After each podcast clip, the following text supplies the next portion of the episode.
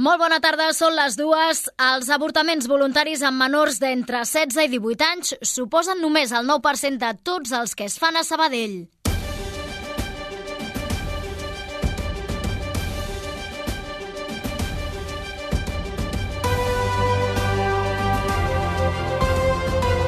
Notícies migdia.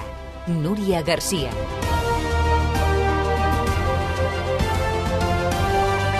Avui és el primer dia que les noies a partir dels 16 anys poden interrompre l'embaràs sense autorització dels pares. Amb tot, la coordinadora de la Unitat d'Atenció a la Salut Sexual i Reproductiva ubicada a Sant Fèlix, Maria Victòria Cambrador, afirma que les joves necessiten rebre un acompanyament durant tot el procés. Ho ha dit en una entrevista al Cafè de la Ràdio.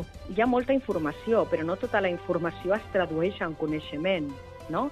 És a dir, que, que el, jo, el jove necessita un acompanyament, una ajuda, un seguiment, eh? és a dir, que no, no serveix solament en informar, perquè informació en tenen, eh? però aquesta informació el que s'ha d'ajudar i molt d'acompanyar eh, entre la família, el personal docent i el personal sanitari, no? Serien les persones, els agents, més importants de cara a aquesta educació. Segons dades de la CIR de Sant Fèlix, el 2022 es van interrompre de forma voluntària 565 embarassos a Sabadell, una xifra una mica més alta que la de 2021. A banda d'aquest tema, durant el Notícies migdia també parlarem del Saló SBD Firapro, que s'acaba d'inaugurar, de les dades d'atur del mes de febrer, de la caravana per la sanitat pública que s'ha organitzat per dissabte i del concert que servirà com a cluenda dels actes del 75è aniversari de Sabadell sardanista. Tot amb l'ajuda del Toni González a les vies de so. Notícies migdia. La informació en 15 minuts.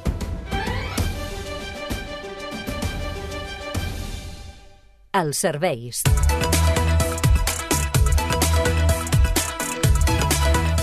Fixem primer de tot en com se circula les carreteres catalanes. A aquesta hora, unes obres a l'autovia A2 a Abrera tallen un carril en sentit Lleida i provoquen aturades de fins a dos quilòmetres. En canvi, ja s'ha normalitzat la situació a la C58 a l'altura de Sant Quirze del Vallès, on havia quedat tallat un carril en sentit nord a conseqüència d'un accident. També s'ha normalitzat ja la situació a la GB baixa 6026 a Pont de Molins, on també havia hagut de tallar-se la carretera a conseqüència d'un sinistre. I pel que fa al transport públic, com funciona aquesta hora, Albert Garran des del Transmet. Bona tarda. Què tal? Bona tarda. Doncs, en general, la xarxa de transport públic a hores d'ara està força tranquil·la, on Rodalies, ferrocarrils, tram i la xarxa de bus funcionen amb normalitat. També recordem que avui és l'últim dia de Mobile i per aquest motiu, encara avui durant tot el dia, com venint recordant la resta de la setmana, l'ocupació de passatgers a les línies 9 i 10 sud de metro i a ferrocarrils, els trens que surten de plaça Espanya, l'ocupació pot ser superior a l'habitual durant tota la jornada. De moment això és tot des del Transmet. Bona tarda. La notícia del dia. Les joves de 16 i 17 anys poden sotmetre's a una interrupció voluntària de l'embaràs sense el consentiment patern a partir d'avui. És una de les principals novetats de la llei de l'avortament acabada d'aprovar. Tot i això, aquesta franja d'edat és la que té una menor presència al Centre d'Atenció a la Salut Sexual i Reproductiva de Sabadell. Així ho ha apuntat la coordinadora de la unitat, Maria Victòria Cambrador, en declaracions al Cafè de la Ràdio. Que hem de pensar en una dona de la província de Barcelona, perquè Barcelona és la que té majoritàriament més nombre d'IBES, eh, una dona que, que està, la, mitja, la mitjana és de 29 anys, però amb una desviació de més, menys 7 anys, eh, que té estudis eh, secundaris o batxillerat o FP, que té ingressos i que normalment eh, treballa de, bueno, de salariada. Aquest és el perfil que tenim a Catalunya. Els 15 als 19 anys, que diríem que és el que ens podria preocupar més, el que ens preocupa més, és al voltant d'un 9%. D'un 9%.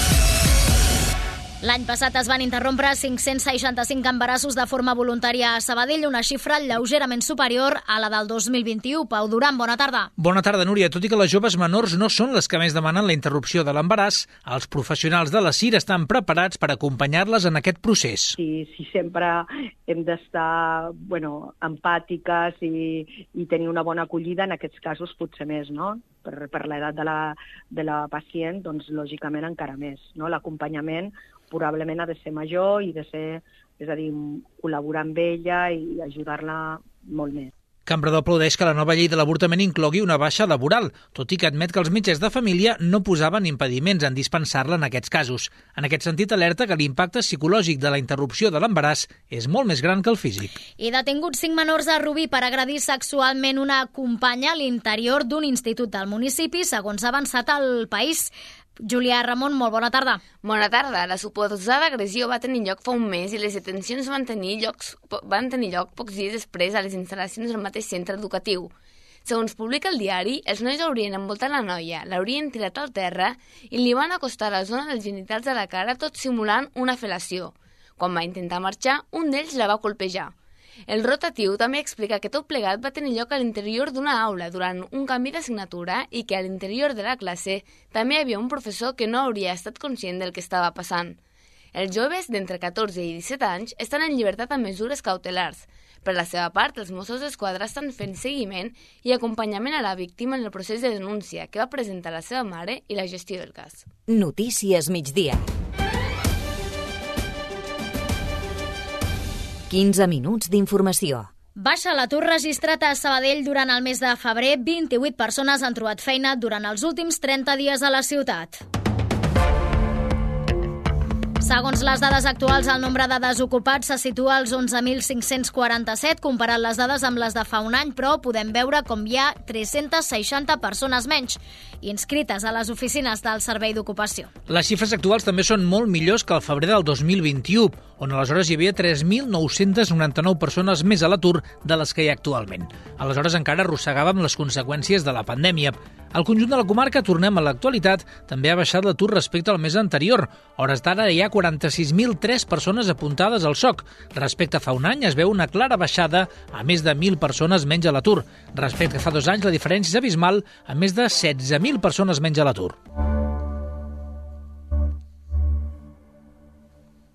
1.200 persones al Centre de Formació Calmolins ha format més alumnes que mai durant el 2022 i l'Ajuntament vol augmentar l'aposta per impulsar aquesta dinàmica a l'alça.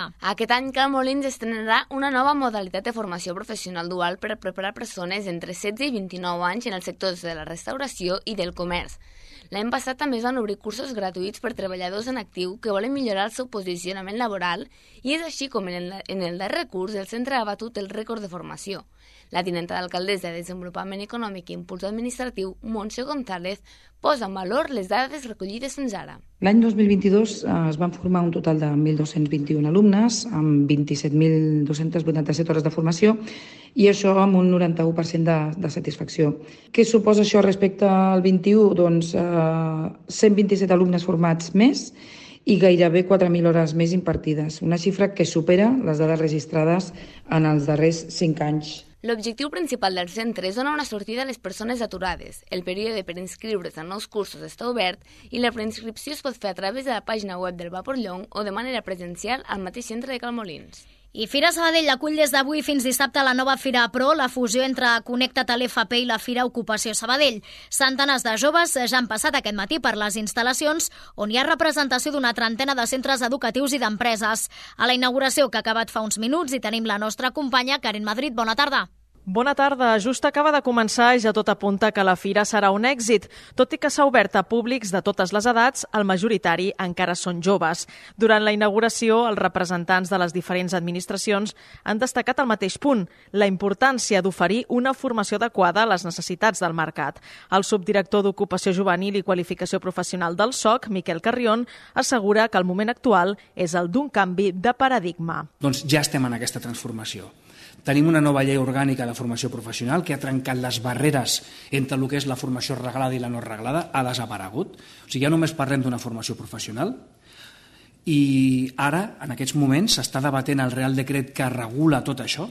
En el mateix sentit s'ha posicionat l'alcaldessa de Sabadell, Marta Ferrés. Tenen a la mà del teixit empresarial, crec que és clau. Um, al final, quan parles amb els joves, i nosaltres ho intentem fer molt, deixeu-m'ho dir, tocaven resumint els que no volen anar a la universitat, per entendre'ns, acaben dient jo vull treballar. I has de fer tota una, una feina, per, bueno, però tu per treballar t'has de formar.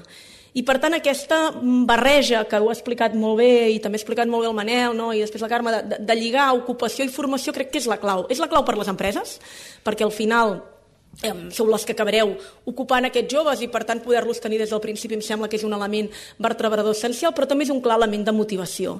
La Fira Pro estarà en marxa fins dissabte oferint xerrades, més de 300 atencions personalitzades i 500 entrevistes laborals. Tota la informació a Ràdio Sabadell.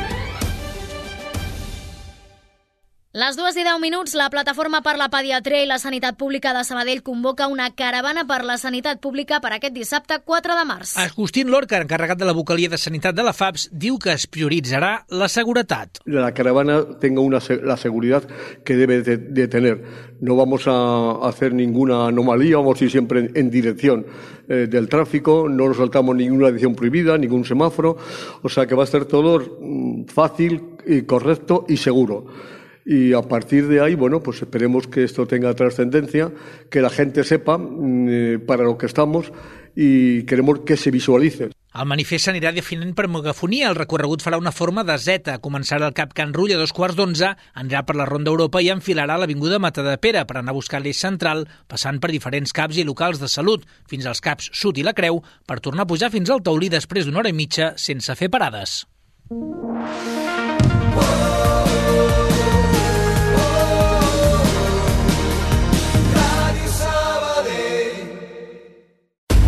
Busquem el sabadellenc de l'any. Ens ajudes a trobar-lo? Laura Andrés, Maria Antònia Cavistany, Caral Castellet, Antonio Martos o Tomàs Pladevall. Entra a la pàgina web de Ràdio Sabadell i vota la persona més destacada de la ciutat d'aquest últim any, fins al 14 de març a les 12 de la nit. Segona edició del Premi Sabadellenc de l'any. Organitza i Sabadell amb la col·laboració de Ràdio Sabadell. Ens ajudes a trobar-lo? Ràdio Sabadell. Notícies.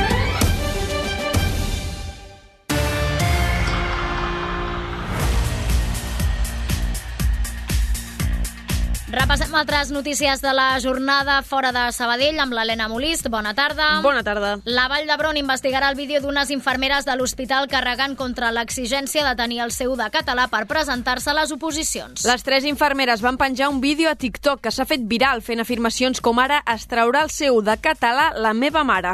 L'hospital ha avisat que no es pot tolerar que dins de les instal·lacions, en horari laboral i amb l'uniforme de la institució, es facin vídeos que no tenen res a veure amb l'activitat assistencial. Fons del centre sanitari han afirmat que les tres infermeres no representen la institució ni el centre.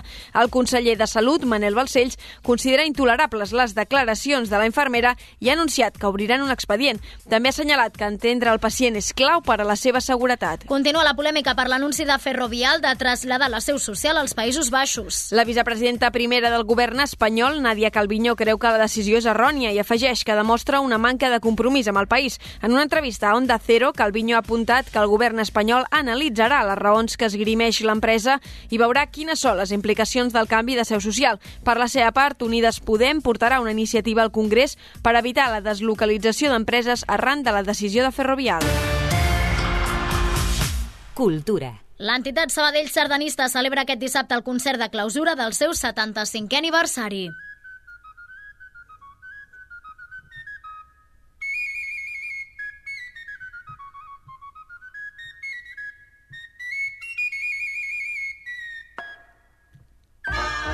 L'Auditori de l'Espai Cultura acollirà aquest espectacle que serà un homenatge a Josep Vicenç i Juli. Altrament conegut com a l'avi Xaixo, Vicenç va ser un dels compositors més representatius de la sardana popular a Catalunya.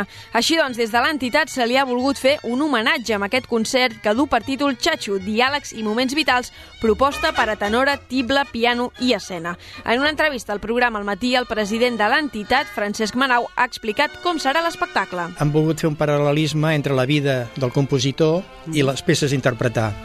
Llavors els diàlegs doncs, es basen en això una miqueta, amb, amb la seva adolescència, amb el seu enamorament, el seu enviduament, quan va estar a l'època que va estar a Malgrat, l'època que va estar a Girona, el seu exili... Uh -huh. És a dir, fan una mica una, un seguiment a la vida d'en Xaixo a través de la seva música, mitjançant la seva música. Dalt de l'escenari, tocant les peces hi haurà Enric Ortí a la tenora, Ivan Joan al piano i Xavi Pinyol al tible. El temps.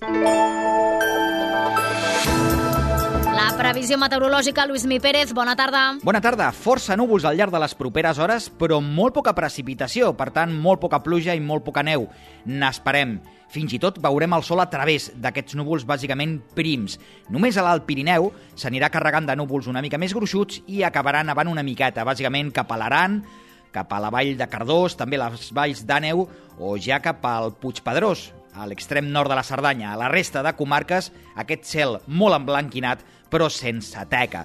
I això sí, la temperatura queda frenada, com el sol no és dominant, la temperatura aquesta tarda passarà poc dels 10 graus de màxima, que serà bàsicament a prop de la costa i a les Terres de l'Ebre, on s'hi assoliran, fins i tot cap a la Catalunya central, temperatures màximes de poc més de 5 graus, especialment cap a l'altiplà de la Sagarra.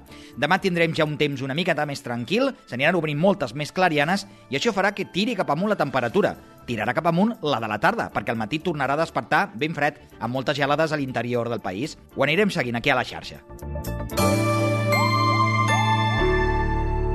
Un quart de tres, marxem.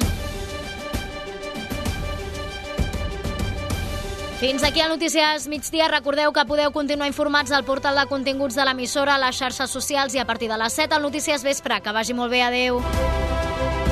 Allà on siguis, escolta'ns online. En directe.radiosabadell.fm